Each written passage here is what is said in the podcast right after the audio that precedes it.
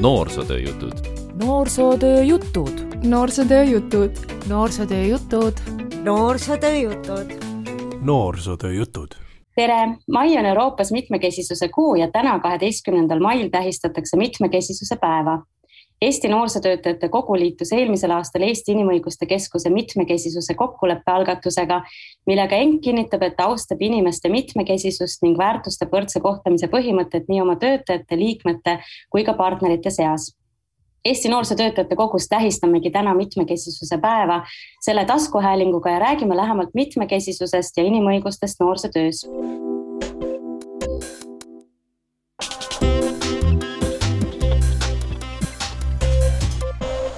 mina olen Heili Griffith, olen Eesti Noorsootöötajate Kogu tegevjuht, olen pikalt tegutsenud noorsootöös ja viimastel aastatel ka inimõiguste alase hariduse edendajana. täna on mul hea meel vestelda Kelly Krosteliga Eesti Inimõiguste Keskusest ja Liisi Trummiga Lille Noortekeskusest.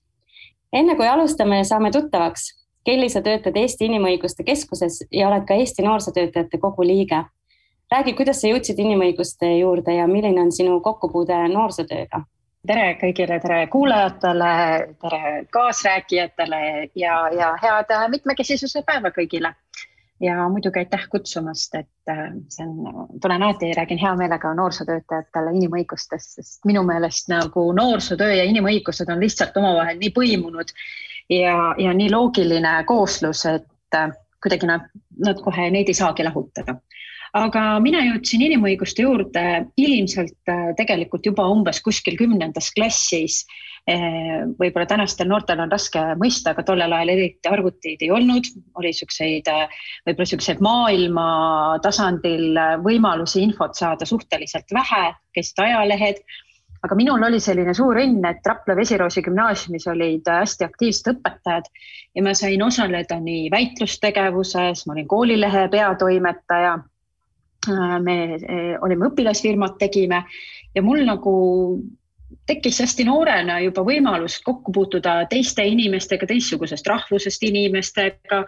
äh, teise nahavärviga inimestega läbi nende rahvusvaheliste projektide ja algatuste. ja, ja kuidagi ma arvan, et see tundubki minu jaoks sellepärast nii normaalne või nii tavaline, et on inimõiguste teema oluline, kõik inimesed on austatud ja et mitmekesisus ongi meie ümber ma arvan, et see tuleb sealt, see juurpõhjus tuleb minu enda noorusest ja kooliteest, aga ka hiljem olen ma tõesti töötanud siis sellistes keskkondades, kus inimõigused on olulised, avatud Eesti fondis, Tallinna Tehnikaülikoolis erinevus rikastab projekti juures ja, ja siis Inimõiguste Keskuses nüüd juba päris pikki aastaid. ja sa oled õppinud ka noorsootööd, eks? ja ma õppisin noorsootööd siis, kui seal Tallinna pedagoogilises seminaris sai veel kutseharidust ja hiljem olen siis õppinud äh, Tehnikaülikoolis õigust ja praegu just kaalun, mida sügisel teha. tahaks veel õppida mm. -hmm, väga põnev. Äh, mina olen Kellit juba paar aastat äh, tundnud ja oleme isegi koos saanud korraldada erinevaid koolitusi inimõiguste teemalisi noorsootöötajatele ja mina olen Kellilt viimaste aastate jooksul väga palju inimõiguste kohta õppinud aga Liisi, räägi, kuidas sina leidsid äh, töö noorsootöösse ja milline on sinu senine kokkupuude inimõiguste teemadega? ja tere siis ka minu poolt. ütleks ka siis äh, aitäh kutsumast. Äh, ja nagu öeldud, siis mina olen Liisi, sündinud ja üles kasvanud Tartus ja olen ka tegelikult noorena, noorest peale juba päris aktiivne nii-öelda noor või laps olnud käisin paljudes huviringides, muusikakoolis, trennis, kõik tuli ära käia. Eh, omal soovil muuseas, mitte siis vanemate sundimisest. aga, ja noorsootööga hakkasin laiemalt tegelema siis, kui ma astusin Viljandi Kultuuriakadeemiasse kahe tuhande viieteistkümnendal aastal ma sinna võib-olla isegi läksin pigem selle mõttega, et tahaks eh, saada loovtegevuse õpetajaks, et seal on hästi suur osakaal draamal ja muusikal ja kunstil ja nii edasi. aga kui ma seal olin, siis eh, ma sain aru, et see töö inimeste ja noortega ja pedagoogiline pool, et see pakub mulle ka väga huvi. ja siis eh, see huvi, ma arvan, Harjumaal süvenes siis, kui ma läksin Sloveeniasse tegema vabatahtlikku teenistust. seal ma töötasin siis noortekeskuses kohalike noortega ja eks see oli ka selline suur kultuuridevaheline õppimine ja äh, erinevuste tundmaõppimine ja nii edasi. ja siis sealt edasi siis kandideerisingi Tartu Noorsootöö Keskusesse kus ma töötan siis siiamaani juba varsti saab kaks aastat täis ja nüüd hetkel olen siis Lille Noortekeskuse juhataja. ja paralleelselt siis, kuna ma tegingi natuke siin vahetegevust, käisin välismaal ja nii edasi, et siis paralleelselt lõpetan ka ülikooli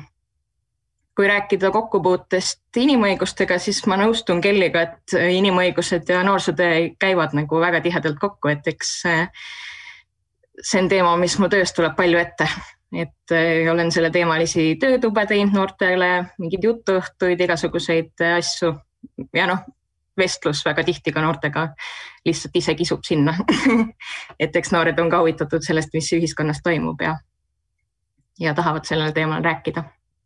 väga põnev. aga enne kui räägimegi täpsemalt sellest, et, et kuidas siis noorsootöö ja inimõigused on omavahel seotud, alustaks algusest ja räägiks sellest, et mis need inimõigused üldse on ja millised on võib-olla erinevad inimõiguste väärtused, et, et Kelly, sina oled kindlasti oma töös ka pidanud palju seda inimestele selgitama, et äkki, äkki sa teed otsa lahti ja ma olen seda tõesti pidanud väga palju ja ma olen alati natukene ikkagi raskustes, kuidas seda selgitada niimoodi, et, et iga inimene, isegi kui ta ei kuul-, ta ei suuda välja mõelda ühtegi vähemust, kuhu ta kuulub või, või kui talle tundub, et kõik on hästi, et kuidas ma saaks seda mõistet niimoodi selgitada, et inimene tõesti tunneks, et et see inimõiguste teema puudutab nii teda kui, kui kõiki teisi, olenemata sellest, milline see inimene on ja ma olen ikkagi leidnud, et inimõigusi kõige paremini iseloomustab äh, see üks sõna, mis käib definitsiooni sisse ka, et inimõiguste selline eesmärk äh, või miks me sellest räägime, on see, et tagada iga inimese inimväärikus. muidugi inimväärikus ise sõnana on ka päris nagu keeruline, et kuidas seda sisustada, aga laiemalt ikkagi see tähendaks seda, et kui sa oled, äh, ma ei tea, hetero, sa oled lesbi, sa oled mustanahaline, sa oled lahetädi äh, Leida Tallinnast, onu Kalle Raplast, et sul oleks sinu inimväärikus tagatud, et riik peaks inimesega niimoodi käituma läbi oma seaduste, läbi igapäevase praktika, läbi, ma ei tea, teenuste osutamise. Mm, et sinu inimväärikus oleks tagatud, aga ka meie omavahel suhtleksime üksteisega niimoodi, et meie inimväärikus oleks tagatud. kahjuks ilmselt on elu läinud nii, et me õpetame küll lastele koolis, et oh, kiusata ei tohi. aga siis inimesed lähevad tööle, on kolmkümmend pluss, nelikümmend pluss, viiskümmend pluss, ikka kipuvad kiusama. et me peame sellest ikkagi selles mõttes kogu aeg edasi rääkima kuna, kuna inimõiguste rikkumised kahjuks eksisteerivad kogu aeg edasi need eksisteerivad diskrimineerimise näol, mida on võib-olla keerulisem äh, vahel nagu märgata. Äh, vahel ka muidugi ei ole nii keeruline märgata, aga teisalt on ka tihtipeale riigi enda käitumine, tema toetused ja tema seadused otseselt siis vastuolus inimõigustega nii, ma nüüd ei ole ikkagi kindel, kas ma suutsin selle nii lihtsalt ja selgelt teha, aga minu jaoks see inimväärikuse sõna, iga inimese inimväärikuse sõna on hästi olulisel kohal ja, ja, ja samamoodi inimväärikus tähendab siis seda, et ka teise inimväärikuse austamine ehk mitte teiste õiguste äh, rikkumine täpselt samamoodi omavahelises suhtluses. Liisi, ähm, kuidas sina enda jaoks oled mõtestanud inimõigused? mida need sinu jaoks tähendavad? just siin hirmuga mõtlesin, et ma olen ikka valesse kohta sattunud, et ei oskagi täpselt defineerida, aga õnneks Kelly juba ise ütles ka, et on keeruline, et siis natuke hakkas kergem. aga mulle see väärikuse mõte väga meeldis, et esimene mõte, mis mul endal tekkis, on see, et eks üks pool sellest on see, et sa ise tead, mis, millised on siis su õigused, aga teine pool, et see on kohustus ka tagada teistele nende nii-öelda väärikus, nende mm, ühesõnaga, et see, see on sama palju nagu vastutus, kui see on võib-olla õigus, et äh, hoolitseda selle eest, et meil on kõigil nagu võrdsed, et me oleme kõik võrdses seisus. Nii-öelda muidugi seaduste tasandil on ka need asjad paigas, lihtsalt võib-olla see juriidika ei ole nii huvitav, aga ongi põhiseaduses on terve plokk eh, põhiõigusi, mis ongi inimõigused, mis eh, ütlevad meile näiteks inimõiguste alla kuulub eh, õigus valida, õigus abielluda, õigus selleks, et mul on privaatne eraelu, kuhu riik ei sekku, õigus haridusele, kõik need ongi tegelikult inimõigused, need tegelikult kõik, mida võimalused, mida me ju igapäevaselt kasutame, õigus elule, õigus elada piinamisvaba elu, et need on nagu kõik inimõiguste teemad. jah, see võiks olla siis ka noh, ideaalis, et kui minul on mingid õigused olemas, et siis ma aitan ka võidelda nende eest, kellel veel ei ole neid õigusi, et võib-olla siin tuleb ka see vastutus äh, sisse. aga Kelly, sa mainisid alguses ja ma olen ise ka mõelnud selle peale, et miks siis on nii, et et me õpetame lastele, kuidas viisakalt teiste inimestega käituda, kuidas olla lugupidav inimeste suhtes, kuidas olla sõbralik, kuidas ähm, jah, kuidas olla viisakas, hea inimene ja hoolimata siis sellest, millised need inimesed on, ikkagi kuidagi suhtuda nendesse sõbralikult ja millest see siis ikkagi tuleb, et, et meil on nii palju probleeme inimõiguste rikkumisega ja, ja me peame nendest teemadest rääkima, et justkui täiskasvanutele peame ka äh, õpetama sellist äh, viisakust. Ma ei tea, Heili, sina tunned võib-olla Vana Testamenti, et äh, mõtleme tagasi, et kui mitu tuhat aastat sellest möödas on, kui Mooses Siinai mäele kümne käsuga läks ja ütles meile ju selliseid üsna lihtsaid asju, et ära tapa ja ära valeta ja ära varasta ja ära ihalda seda midagi, mis ei kuulu nagu sinule, et, ähm, et tundub nii lihtsad asjad, eks ole mm, -hmm. nüüd meil on aasta kaks tuhat kakskümmend üks ja meil on vaja seadusi äh, ja kontrolli selle jaoks, et inimesed ei varastaks näiteks või inimesed ei tapaks, ei, ei piinaks ja, ja mitte, see ei juhtu kuskil mõnes arenguriigis, vaid see on siinsamas meil Eesti Vabariigis, et noh, ma arvan, et äh, ju see siis kuidagi niimoodi on, et me ikkagi oleme üsna egoistlikud inimestena, et me natukene ikkagi mõtleme ikkagi nii palju iseenda peale, enda heaolu peale ja, ja, ja seetõttu tihtipeale need patud ja kiusamised tulevad, mitte ainult kiusamised, vaid ka kiusatused, eks ole. aga see on niisugune hästi-hästi filosoofiline mm, teema muidugi. Eh, aga ma arvan, et kõige olulisem selle teema juures on võib-olla see, et meil on ka natukene see ühiskondlik taust nii pikalt, mina olen neljakümne ühe aastane, mina eriti mäletan, kui nagu ei räägitudki nendest teemadest nii palju või see ei olnudki nagu tabu tegelikult kiusata või, või üldse teiste inimestega halvasti käitumine, vaid, vaid vastupidi, see oli võib-olla isegi nagu norm kohati mingisugustes keskkondades, et ülemused võisid alluvatega väga halvasti käituda. et me ehitame mingis mõttes, me oleme niisuguses teelahkmel, kus me ehitame Eestis üles uut kultuuri. me ehitame seda üles noorsootöös, me ehitame seda juhtimistasandil. poliitikud ei anna meile täna küll kahjuks eriti head eeskuju. aga, aga see on see kultuuri küsimus minu meelest väga tugevalt Kelly, võib-olla küsin sinu käest, et äh, millised on siis praegu sellised äh, peamised äh, inimõiguste alased väljakutsed võib-olla Eestis, et, et millega Eesti Inimõiguste Keskus peamiselt tegeleb, milliste teemadega? no meie jaoks väga oluline teemavaldkond on kogu see mitmekesisuse ja kaasatuse valdkond, nagu tänagi siin mitmekesisuse päeval sobib sellest kenasti rääkida, mis siis tähendab seda, et ähm, inimõigused, nagu ma ütlesin, ühtepidi on seadus, aga teise, teise, teistpidi on ta nii oluliselt seotud sellega, et kas me saame reaalselt ka kõiki neid õigusi ja võimalusi kasutada, mida meile seadused on andnud ja see mitmekesisuse ja kaasatuse valdkonda siis panustab sellesse, et meie iga inimese potentsiaal oleks päriselt organisatsioonides kasutatud. et keegi ei jääks värbamata näiteks IT-valdkonda seetõttu, et ta on naine või vastupidi, haridusvaldkonda siis seetõttu, et ta näiteks on liiga noor mees või liiga vana mees, et äh, see mitmekesisuse teemaga mm, tegelemine annab just selle, et kõigil inimesel oleks päriselt ka need võrdsed võimalused, millest me väga palju tihti räägime aga siis me tegeleme veel mm, varjupaigamenetlusega ehk et need inimesed, kes siis ei saa kodumaal mingil põhjusel olla ja tulevad siia turvalist uut kodu otsima, ajutist või igavest, see sel selgub. aitame neid nende kohtumenetluses ja dokumentidega ja ma kohe ütlen juurde, et see ei ole nii, et iga inimene, kes tuleb ilmtingimata pagulasstaatuse saab, et selleks on ikkagi väga tugevalt omad kriteeriumid. et päris nii ei ole, tulge ja kõik elage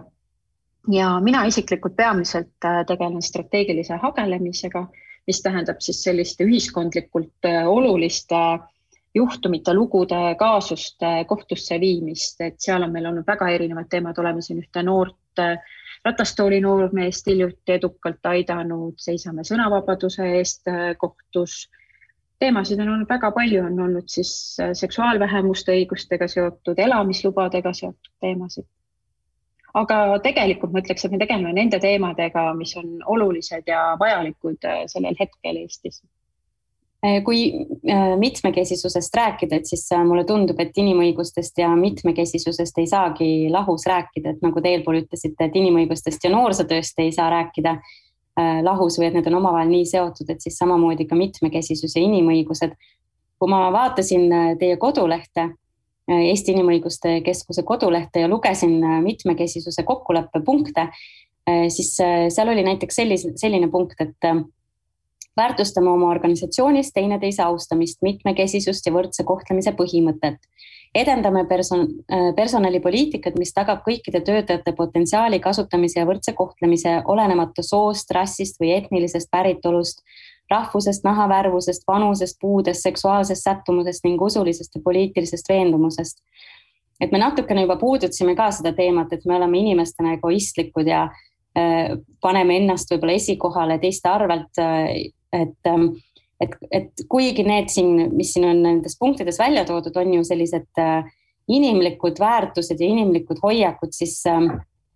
siis kas tõesti on vaja organisatsioonidele, võib-olla ka inimestele äh, meelde tuletada või, või rääkida sellest, et, äh, et me peame inimesi töökohal või, või ka ühiskonnas võrdselt kohtlema, hoolimata sellest,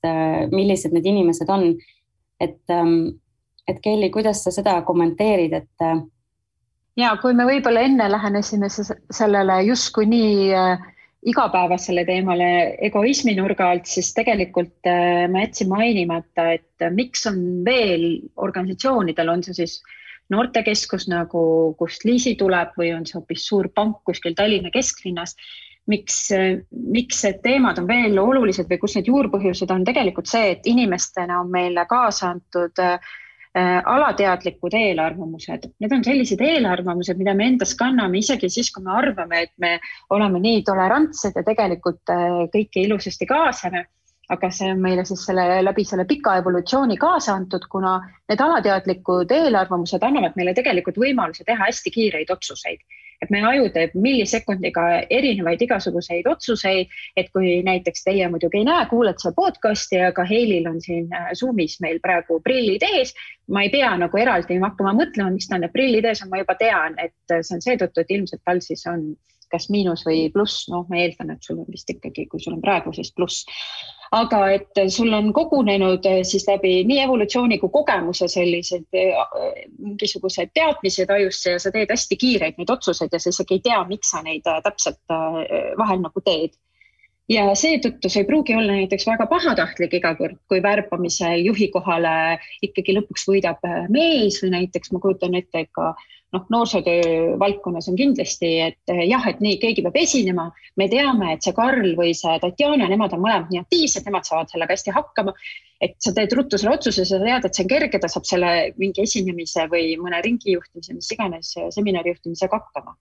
aga mida nagu see mitmekesisus ja kaasatus ja meie töös ja, ja kõik see nagu võib-olla kutsub tegema, on võtmas üks hetk ja mõtlema, et jaa, nii, need noored, nemad saavad alati hakkama, nad on aktiivsed, hästi tublid aga kes mul siin veel on ja keda ma saan veel jõustada, keda ma saan veel võimestada eh, ka õnnestuma. et eh, see on ka võib-olla noorsootöös ja mitmekesisuse ja kaasatuse teema juures selline hästi oluline kokkupuutepunkt. ma ei tea, kas Liisi on minuga nõus? mul tuleb lihtsalt eh, tulevadki mingid elus näited, kus ikka on, kui vaja mingit üritust juhtida või siis sa teadki, et on noh, kindlad noored, kes sul on juba aastaid seda teinud ja ja saavad sellega hästi hakkama, aga siis vahepeal võib-olla see siis juhtub sellest, et need esimesed noored, kes pähe tulevad, need ei saa osaleda või midagi, aga sa võtad mingi uue inimese sedasama asja tegema. ja siis see üllatusmoment, et kui ta saab ka sellega nii hästi hakkama või ta kuidagi avaneb seal lava peal või see on noh, väga lahe. Ja kui sellised positiivsed kogemused tulevad, siis on soov nagu seda katset, järjest rohkem nagu katsetada, et ma arvan, et see asi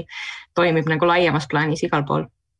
kui nüüd lähemalt rääkidagi inimõigustest äh, noorsootöö kontekstis, siis äh, millised kokkupuutepunktid on noorsootööl ja inimõigustel, Liisi? ma ütleks jah, neid kokkupuutepunkte on väga palju. kui me räägime mitmekesisusest, siis äh,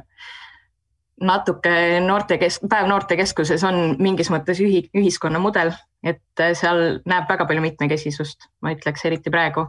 et meil on samas seal suures ruumis eksisteerivad koos siis ütleme näiteks tavakooli noored, erivajadusega noored, seksuaalvähemused, erinevatest rahvustest noored. Ja seal eks noortekeskuses meil on võib-olla rohkem võimalust tekitada sellist olukorda, kus nad kõik on nagu võrdses seisus, kus neil kõigil käivad, noh, meil on väga kindlad reeglid, et ei tohi ropendada, ei tohi teistele liiga teha, ei tohi suitsetada, nii edasi. Ja siis äh, seal on tõesti selline olukord, kus need kõik noored on võrdses seisus äh,. aga ühiskonnas võib-olla laiemalt ei ole seda nii kerge saavutada. et selleks tuleb äh, mm, võib-olla teha ka noorte seas algusest peale selgitustööd, et miks meil on need reeglid, miks, miks me käitume kõigiga võrdselt, miks me käitume kõigiga viisakalt ja loota, et nad võtavad selle noortekeskusest kaasa selle ka päris ellu. Needsamad väärtused siis, mis nad võib-olla noortekeskusest saavad. Kelly, kuidas sulle tundub? ja kindlasti sellise praktilisel tasandil tähendab see tõesti seda, et igalühel oleks võimalus noorsootöös osaleda, et et ma nagu ei ole väga kursis, aga ma loodan, et eh, Eesti noorsootöös on ka üha rohkem seda, et ikkagi päriselt nagu eriliste vajadustega või lisavajadustega noortel on on võimalik noorsootöös osaleda ja see nõuab võib-olla tõesti sellist äh, lisasammu, eks ole, et, et ma peangi mõtlema, et okei okay,, et äh, mul on siin kõik noor, noored, ma saan teha mingeid spordiüritusi, mida iganes, aga kus on, kas minu selles vallas või minu siin selles piirkonnas, et, et kas meil on mõni noor, kes äkki on lihtsalt kodus, et kuidas ma saaksin ka teda, teda kaasata, mis samme selleks on vaja, et või mis vahendeid on selleks vaja või üldse kuidagi rohkem mõelda, et tegelikult kui avatud ja kaasav me oleme nendele, kes esimese ringiga loomulikult ise siia ei jõua äh, meie juurde, et äh, et see aspekt võib-olla mulle meenus, kuidas juba noorsootöö ja inimõigused ja kaasatus ja mitmekesisus on omavahel seotud, aga teisalt äh, noh, loomulikult üha rohkem ka inimõiguste valdkond tegeleb, näiteks ka veganlus kui selline on tänapäeval juba ju Euroopa Inimõiguste Kohtu tasandil peetud veendumuseks, mis käib inimõiguste alla, et kas näiteks ka noorsootöö suudab siis erinevate nii-öelda toidueelistustega noortele pakkuda võimalusi näiteks, eks ole. tihtipeale on ju mingid üritused seotud mingi snäkilauaga ka nii noortel kui täiskasvanutel, eks ole. et neid teemast on hästi-hästi-hästi palju, et võib-olla vahel ongi kahju, kui meedia on ka noorsootöö kontekstis ikkagi kuidagi see võib-olla ainult need LGBT teemad, niisugused üksikud teemad välja noppinud ja, ja niisugune laiem pilt on võib-olla vähem, vähem arutlusel olnud võib-olla mulle endale natukene teeb muret, kuigi olen ka kuulnud arvamusi, et see ei ole üldse Eesti noorte seas probleem, aga kuna ma ise võib-olla igapäevasemalt seal keskel olen, mind, mulle ikkagi see radikaliseerumise teema teeb natukene muret. see noorte selline flirt paremus, paremäärmuslike siis vaadete ja, ja vahel ka võib-olla parteidega, et et kui me siin kuulsime eelmine aasta, et eh, siis Eesti kolmeteistaastane koolipoiss juhtis siis sellist eh, rahvusvahelist eh, väga suurt, ta elas veel ühes Eesti väikelinnas, eks ole, käis koolis ja kõik ja sai muidu ka nagu normaalselt nii-öelda oma igapäevaelu ja kõigega hakkama, et tal ei olnud mingi väga sihuke problemaatiline taust ka. ja ta juhtis rahvusvahelist natsiorganisatsiooni, eks ole, kus oligi eesmärk siis valgete ülemvõim ja et ma ei tea, kas te mäletate, siis noh, see ei ole kahjuks nagu ainus juhtum, see on lihtsalt võib-olla kõige kurioossem juhtum. ja, ja ma arvan, et nagu iga noorsootöötaja peaks enda käest küsima, et, et äh, kas tal oleks oskusi ja teadmisi selle teemaga ka vajadusel nagu tegeleda. ja ma arvan, et me ei ole sellega tegelenud, sest me ei oska sellega tegeleda, me ei ole sellega rääkinud ja meil, ma arvan, et me nagu ei suuda isegi uskuda, et sellised asjad päriselt kahe tuhande kahekümne esimesel aastal juhtuvad, aga juhtuvad see on muidugi väga ekstreemne näide, et mul ise meenub selliseid juhtumeid, kus noored võib-olla ise nagu ei saa aru, mis nad ütlevad. et sellisel juhul on kerge nagu peegeldada neile tagasi, et oh, kas sa ise said ka aru, mis sa ütled, noh näiteks, et kui noor vihastab ja siis ta ütleb, ma lähen annan talle peksa või ma lähen löön ta maha, et siis sa noh, võtad selle hetke, võtad ta kõrvale ja ütled, et kas sa saad aru, mis sa ütlesid ja mida su sõnad nagu sellel hetkel tähendavad. ja ta ise muidugi ta ei tee seda seost, et reaalselt, et ta ei lähe ju kellelegi peksa andma, aga et see, et sa nagu peegeldad talle tagasi, et need asjad, mis ta ütlevad, ei ole nagu okeid. ja ka muidugi juhul, kui need ei ole ainult sõnad, et siis võib-olla väga paljudel, ma kujutan ette, jääbki pädevust vähemaks, vähe, väheseks sellel hetkel, et ma ise kujutan ka, et ma ei kujuta ette, et kui sihuke päris paremäärmuslik tuleks mulle noortekeskusesse ja hakkaks sellist juttu rääkima, et noh, ma kindlasti ei laseks seal juhtuda, aga kas noh, kas ma suudaks teda kuidagi muuta või noh, jah, see on juba keerulisem küsimus. aga ma arvan, kui ma võin öelda, et Liisi, see oli tegelikult väga hea, et sa selle nagu näite tõid, et et selles inimõiguste valdkonnas, ma arvan, tegelikult väga paljud inim-, ma tegelikult arvan, et enamik inimesi, enamik noori tahavad olla head inimesed. et ma arvan, et neid inimesi, kes nüüd nagu ideoloogiliselt kohe tahakski teistele inimestele haiget teha, et need on tegelikult nagu käputäis. et me nagu väga tihti see juhtubki just nende kas alateadlike eelarvamuste tõttu või lihtsalt mul oli nii halb päev ja mul mingid emotsioonid käisid nagu üle, et äh, ma küll ei tahtnud kuidagi, ma ei tahaks jätta muljet, et inimõiguste rikkumised, eriti nagu noorte seas või kuidagi, et nad on õudselt siuksed läbimõeldud asjad, et pigem nad ongi tihti seotud jah, nagu ma ütlesin, eelarvamuste ja, ja emotsioonidega, et aga ma arvan, et enamik inimesi tõesti veel ükskord tegelikult tahavad olla ikkagi head inimesed ja teistega arvestada. Selle vestluse jätkuks ma küsikski kohe, et, et kuidas teile tundub, kui palju inimõiguste teemadega praegu üldse noorsootöös tegeletakse, et, et te tõite välja ka, et mõned sellised teemad on väga keerulised ja endalgi võib-olla ei ole selle kohta nii palju infot, et kuidas teile tundub, kui palju noorsootöötajaid võib-olla ette valmistatakse selliste teemade tegelemiseks, kui palju noorsootöötajatel võib-olla endal on huvi nende teemade vastu ja kuidagi oskavad seostada isegi neid inimõiguste teemasid oma tööga, et, et me kohe alguses juba tegelikult rääkisime, et et noorsootöö ja inimõigused on omavahel väga seotud, aga mis te arvate, kui palju noorsootöötajad üldse seda ise tajuvad ja näevad? ma tunnen, et see nii oleneb äh, tegelikult indiviidist, et eks see on ka natuke vastutus või võimalus ennast ise viia kurssi. et ähm, mul meenub üks näide enda ülikooli aegadest, kus rääkisime riskikäitumise tunnis äh, LGBT pluss noortest ja keegi küsis, et kas LGBT-d ei ole kuulnud seda väljendit, et kas see on mõni uus narkootikum. et äh, noorsootöötajana sa ise võiksid tegelikult viia ennast kurssi selliste teemadega ja mul on tunne, et mina võib-olla Tartus olen natuke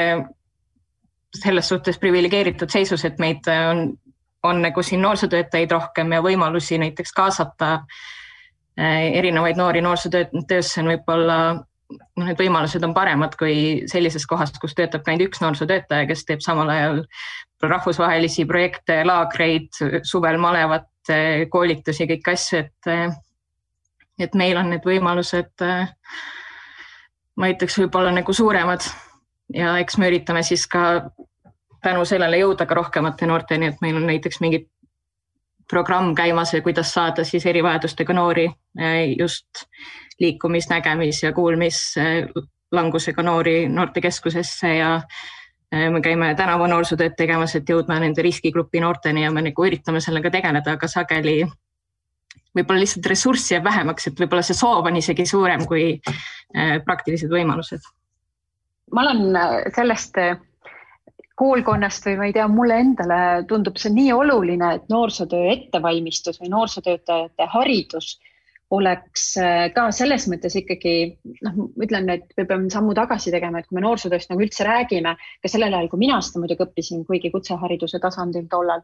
et kuidagi see formaalhariduse jutt on alati olnud nii tugev, et see kõik peab olema, või mitteformaalse hariduse, vabandust, et, et peab olema hästi palju neid praktilisi kaasavaid meetodeid, et nagu nii palju on noorsootöös näinud äh, rõhku sellele, et me peame kogu aeg äh, kuidagi mängima ja või noh, niisugused hästi, kõik peab hästi-hästi aktiivne olema, aga ma arvan, et see on väga-väga oluline, et noorsootöötajad saaksid ka seda formaalset haridust, et nad saaksid akadeemilist haridust ja, ja et nende selle akadeemilise hariduse osa oleks ka ikkagi inimõiguste haridus. Ja et selleks, et sa ei mõtlekski, et võib-olla LGBT on mõni uus huvitav mulljook või narkootikum, et siin saaks nagu siis see hea noorsootöö haridus, noorsootöötajate haridus tegelikult aidata, ma arvan vähemalt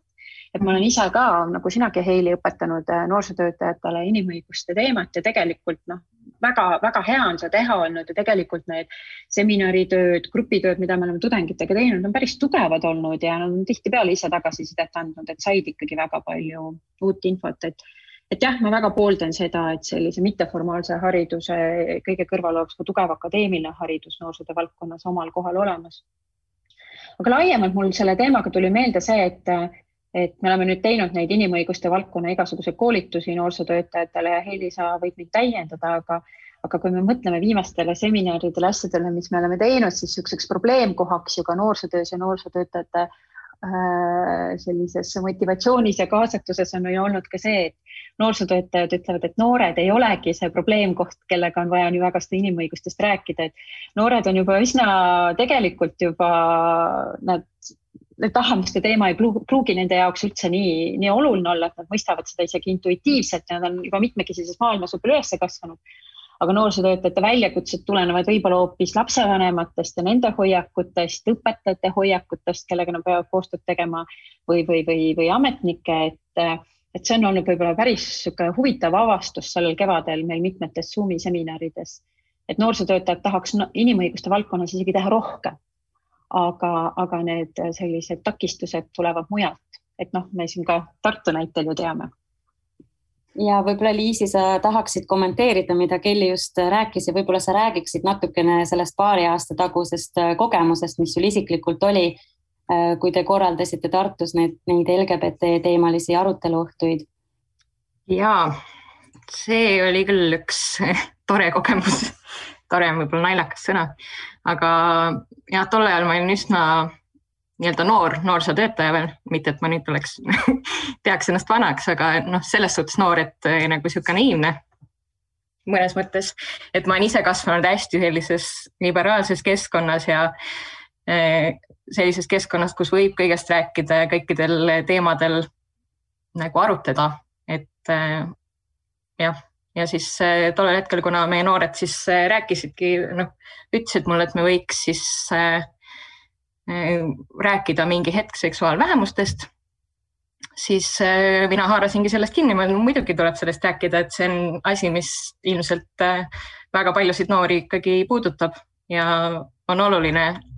et nad selle juures oleksid teadlikud teatavatest asjadest, et nad saaksid jah, võib-olla rohkem teadmisi ja mingeid stereotüüpe või eelarvamusi ka natuke selle juures kummutada. noh, kui arvestada seda, et meil noortekeskuses selliseid noh, jutuõhtuid, sündmusi me teeme iga päev, iga päev on mingi erinev teema et siis eh, ma ei mõelnud ka mitu korda, et eh, suvaline reede, tuleb palju noori tuleb, me teeme sellise õhtu. panin postri välja, kõik iganes ja siis lõpp, ühel hetkel näen, et seal on noh, meeletu vastukaja, et eh, sattusime siis väljaandesse Objektiiv ja nad olid seal juba hakanud mingit protesti korraldama ja Eh, noh, mingid vihakommentaarid ja kõik, eh, terve sotsiaalmeedia oli täis ja siis minul oli nüüd, et millega ma nüüd siis olen hakkama saanud, et natuke nagu väike laps, kes on pahandust teinud. aga jah, eks siis ta mõjus ilmselt päris hirmutavalt, aga mida nagu lähemale see sündmus jõudis, seda rohkem ma sain aru, et see on ka asi, mis peab nagu toimuma ja tuli ka positiivset tagasisidet ja inimesed ütlesid, et noh, see on väga tore, mis te teete ja väga julge, et te teete ja tehke seda kindlasti. üritusel ise oli siis kümme inimest, vist niisugune kümne kandis. mõtlesin ka, et meil on kümme noort, kellega me räägime ühest teemast ja selleks on vaja korraldada kaks protesti ja ma ei tea, mis kõik sinna ümber veel käis, et, et vaevalt nende nagu ühiskonda laias plaanis see asi nii palju võib-olla nagu mõjutas, kui seal tolleaegsed need protestijad siis arvasid, sest noh, tulid mingid telefonikõnesid, et kas me teeme soovahetusoperatsioone ja noh, ma ei tea, mis asja, et see oli ikka, see paanika, mis selle ümber oli, oli palju suurem kui see sündmus nagu ise. et noh, ma ei tea, kuidagi väga põnev oli see kogemus sellest on nüüd paar aastat möödas, et kindlasti sul on olnud võimalus selle üle reflekteerida ja mõelda, et, et mida sa ütleks, mis sa sellest äh, õppisid ise noorsootöötajana? mis ma sellest õppisin? Äh, põhiliselt see oli võib-olla meeldetuletus, et kellele ma seda noorsootööd teen. noored, kes seal kohapeal olid, ehk siis need kümme inimest, äh, nad olid väga tänulikud see arutelu, mis meil seal oli, oli hästi huvitav ja sisukas ja nad ütlesid, et et neil on Tartus nagu puudu sellisest kogukonnast, kus nad saaksid rääkida sellest ja enda sarnastega siis kokku puutuda ja nii edasi ja see noh, nende tagasiside oli positiivne. Ja ma mõtlesin, et, et tegelikult ma teengi ju seda nende jaoks, ma ei tee seda nende inimeste jaoks siis, kes meil seal protestisid ja ja jah, et see andis võib-olla kinnitust, et äh, tuletas meelde, miks ma seda tööd teen äh, ja miks on oluline rääkida ka keerulistest teemadest ja miks on oluline võib-olla alustada seda ühiskondlikku vestlust, sest tundub, et tollel hetkel oli vaja siis ka no, rääkida sellest, kas noorsootöö peaks tegelema äh, siis sellel hetkel konkreetselt seksuaalvähemustega, aga eks siis äh, inimõigustega üldse. Kelly, sina ka kindlasti jälgisid neid, neid uudiseid, et mis selle ürituse korraldamise ümber kõik toimus, et mis mõtted sinul olid sellega seoses? ma isegi ei mäleta, mis ma tollel ajal mõtlesin, aga mulle praegu nii meeldis, mida Liisi ütles, et tal oli see meeldetuletus, et kelle jaoks ta seda noorsootööd nagu tegelikult teeb, et et see on nagu tõesti nii oluline, kutse-eetikas on ju ka noorsootöötajale kirjas, et tuleb ikkagi austuse ja sallivusega nagu, nagu suhtuda, eks ole, noorte erinevatesse mõtetesse ja,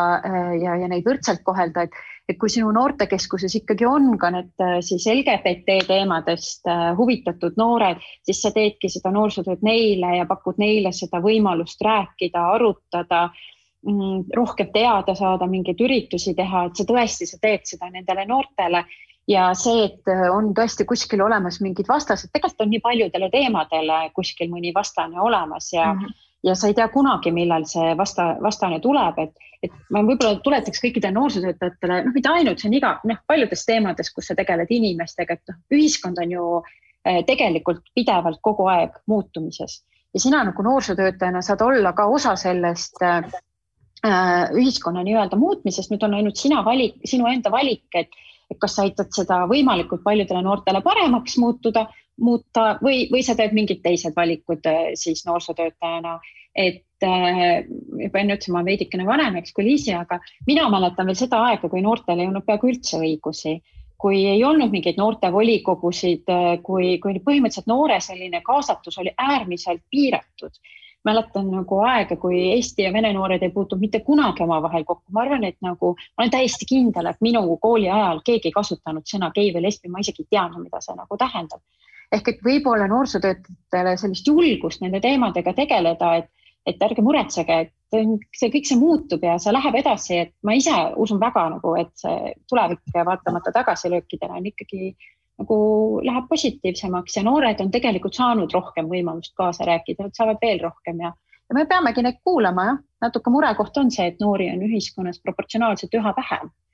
Ja, ja see on ka võib-olla noorsootöötajatele selline oluline koht, et kui, kuna noored on üha väiksem grupp ühiskonnas, siis nagu nende võimestamine on seda olulisem, et nende hääl oleks kuulda, sest meie rahvastikupüramiid on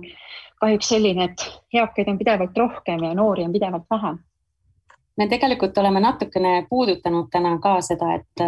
et oleme rääkinud, et, et noored on üsna teadlikud nendest teemadest ja noorte jaoks ei olegi võib-olla mõned äh, asjad üldse probleemiks Äh, et äh, pigem on võib-olla täiskasvanutel ja vanematel inimestel. Äh, oleme rääkinud ka sellest, et võib-olla noorsootöötajatel ei ole alati seda, võib-olla isegi mitte ettevalmistust, aga võib-olla ka ettevalmistust ja ka neid teadmisi, et võib-olla kuidas siis mingisuguste teemadega tegeleda, et, et kuidas teile tundub, et, et milline oleks selline hea noorsootöötaja või noortega töötaja professionaal ja tema roll inimõiguste edendamisel ma ütleks seda, et noorsootöötajate puhul on hästi oluline see oskus või tahtmine ennast arendada ja viia mingite teemadega kurssi. Et äh, ma ei ütle, et noorsootöötaja peab olema igas asjas ekspert, aga noorsootööd ei saa päris teha ka niimoodi, et äh, mulle pakub huvi kokandus ja äh, vabal ajal mängin flööti ja see tähendab seda, et iga päev noortekas me kas kokame või mängime flööti, on ju. et tuleb lähtuda sellest, mis noored tahavad teha et ja kui noortel on huvi mingist teemast rääkida, siis viiagi ennast selle teemaga piisavalt kurssi, et sa oskad seda arutelu tekitada või võib-olla otsid mingi sobiva filmi, mis võiks seda arutelu siis viia edasi, et äh, oluline ei olegi siis jah see, et sa võib-olla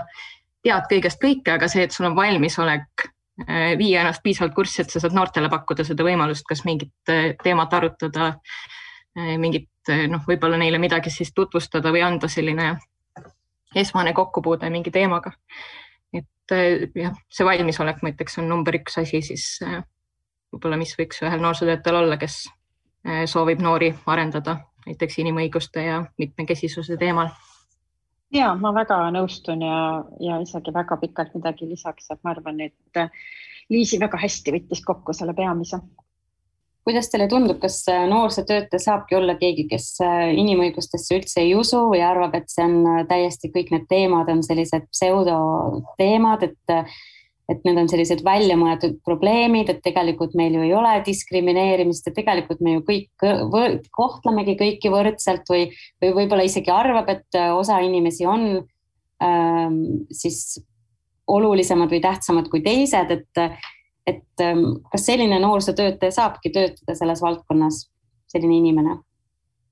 esiteks ma muidugi pigem arvan, et sellist inimest päriselt, kes vastaks kõikidele nendele kriteeriumitele, mis sa praegu kirjeldasid, et sellist noorsootöötajat Eesti Vabariigis ehk ikka ei olegi. aga äh, kui noorsootöötaja ei usu inimõigustesse, siis ta ei usu ju noortesse sest et äh, need noored, kes tema juurde tulevad, ükstaspuha noortekeskusesse või tegeleb ta hoopis mingi noortega töötava inimesena mõnede projektidega noortega, nad on ju paratamatult väga erinevad, nagu nad, nad, nad ei ole ühesugused. nii et äh, ma arvan, et tegelikult oleks ikka väga keeruline olla noorsootöötaja, kui sa ei usu noortesse, ei paku neid eri ja ei, ja ei nagu kuidagi siis ei aktsepteeri ka nende erinevusi, et äh, et muidugi see oli muidugi väga huvitav ja provotseeriv küsimus, sest et, et meil on ajaloost igasuguseid äh, selliseid lugusid teada, et kõige sellised äh, tuntumad kindlasti Natsi-Saksamaalt, kus tegelikult läbi noorsootöö äh, peamiselt ju ideoloogiliselt siis noori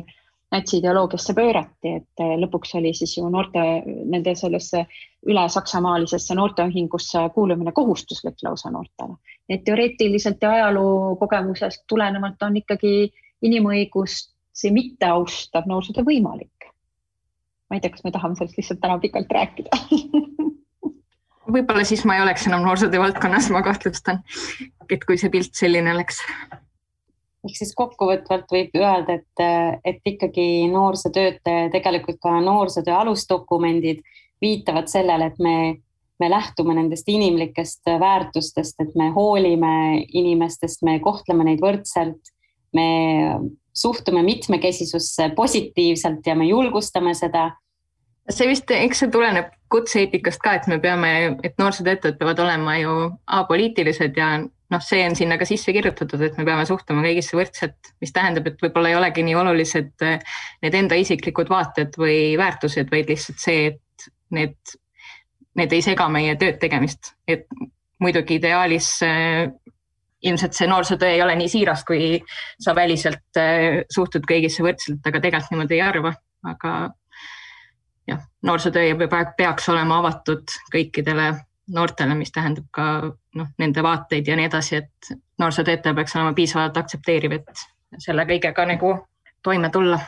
ja, ja võib-olla see ongi natukene olnud nende viimaste aastate õnnetus nii Eestis kui mujal ka selle populismi esilekerkimise ja kõigega, et et inimõiguste valdkonna on hakatud natuke liiga poliitiliselt vaatlema ja, ja väga paljud inimesed ei soovi ju poliitikas osaleda ja, ja kuna see inimõiguste valdkond on siis teatud huvigruppide poolt nii-öelda politiseeritud ja demoniseeritud, siis võib-olla on nendest natukene ka keerulisem, noh, ma ei ütle, et täitsa keeruline, aga seal on omad sellised väljakutsed, et, et tahaks lihtsalt noorsootöötajatele öelda, et kuulge, inimõigused ei ole mingi poliitika, et inimõigused on meie põhiseadus tegelikult ja meie põhiseadus nii esimese Eesti Vabariigi ajal kui nüüd juba, eks ole, kolmkümmend aastat kehtinuna, mis ütleb kõige lihtsamaid asju, et kedagi ei tohi diskrimineerida, et paragrahv kaksteist on meil nii ammu juba kehtib. et see ei ole poliitika, see on pigem normaalsus mida te soovitaksite neile noorsootöötajatele, kes sooviks äh, sellel teemal ennast rohkem kurssi viia ja rohkem teada saada, et äh, mis need inimõigused on, kuidas võib-olla noortega neid teemasid käsitleda? on teil mingeid ettepanekuid? mitte seda teemat nagu karta, just nagu Kelly ütles, et tegelikult see ei ole poliitiline ja see ei tohiks olla vastuoluline. et äh, minu kogemus mitteformaalse õppe nagu juhendajana ütleb ka seda, et, et enamuse aja ju räägivad nendel minu töötubadel vähemalt noored. et see ongi lihtsalt enda kurssi viimise ja võib-olla enda tabude ja nendega tegelemise küsimus pigem, et kui sa juba võtad selle ette, siis tulemus on, ma ütleks alati positiivne või mul ei ole veel olnud sellist kogemust, kus ma oleks tahtnud mingi teemaga tegeleda ja noh, see ikka kukub täitsa läbi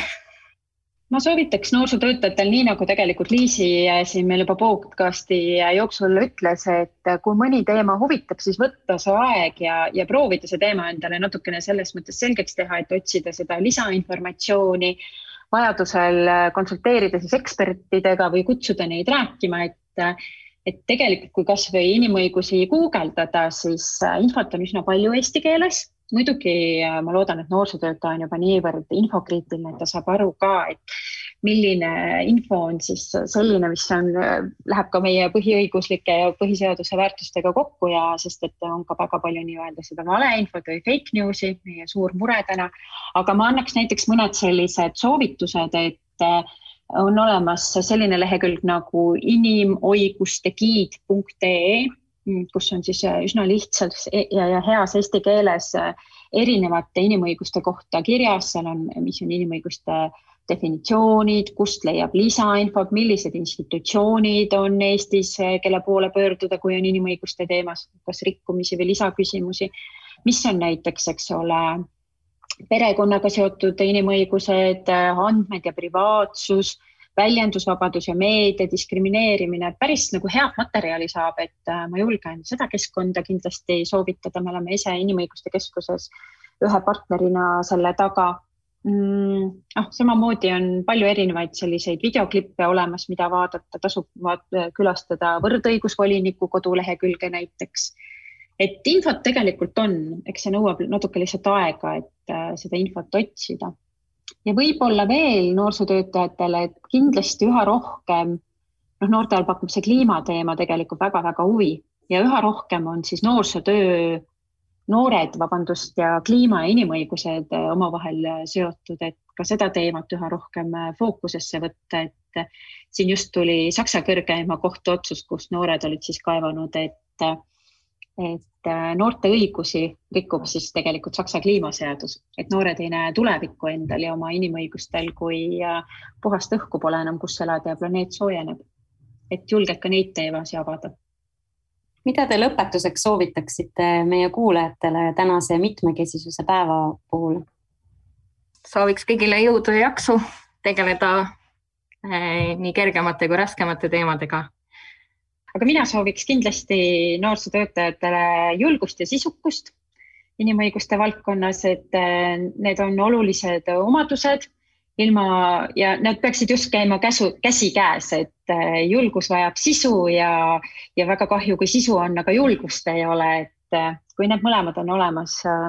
siis ma arvan, on inimõiguste mitmekesisuse kaasatuse valdkonnas võimalik väga palju ära teha. Ja noorsootöötajatel on väga oluline roll selles valdkonnas ja minul on küll olnud rõõm näha, et kõik need seminarid ja koolitused, mis viimased aastad me oleme teinud, et tegelikult noorsootöötajad, nad ongi äh, nagu kuidagi juba, ma ei tea, kas lähevad ainult selliste väärtustega inimesed noorsootööd õppima, aga inimõigused on noorsootöötajatele olulised ja nad tõesti oskavad ka hinnata erinevaid noori ja, ja nende sellist arengut ja elu toetada. nii et aitäh teile, pange edasi oluline on ka seejuures siis uurida päriselt enda noorte käest, millest nad tahavad rääkida, et, et sa ise noorsootöötajana võib-olla vastutad selle eest, et noortel oleks äh,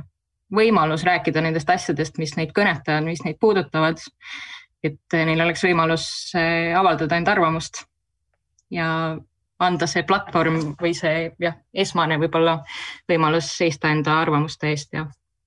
muideks, Liisi, see oli selles mõttes väga hea, mis sa ütlesid, et kui meie ise nagu mitmekesisuse teemast räägime, siis me räägime alati mitmekesisus ja kaasatus, diversity and inclusion mm., et me tegelikult kunagi, noh muidugi mitmekesisuse päev on lihtsamalt öeldud, aga, aga sisulises plaanis me räägime alati mitmekesisus ja kaasatus, sellepärast et mitmekesisust ei saa olla ilma kaasatuseta, ilma nende sihtgruppide, nende inimeste enda hääle ärakuulamiseta, et, et ei ole nii, et ma ei tea, kas noorsootöötaja või enamus kuskil otsustab, et see ongi tegelikult niisugune demokraatliku ja inimõigusi austava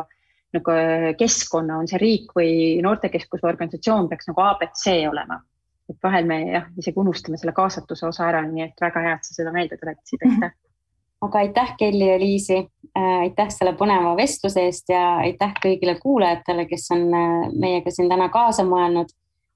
soovin teile kõigile toredat mitmekesisuse päeva jätku. aitäh ja kohtumiseni. aitäh ja minu poolt ka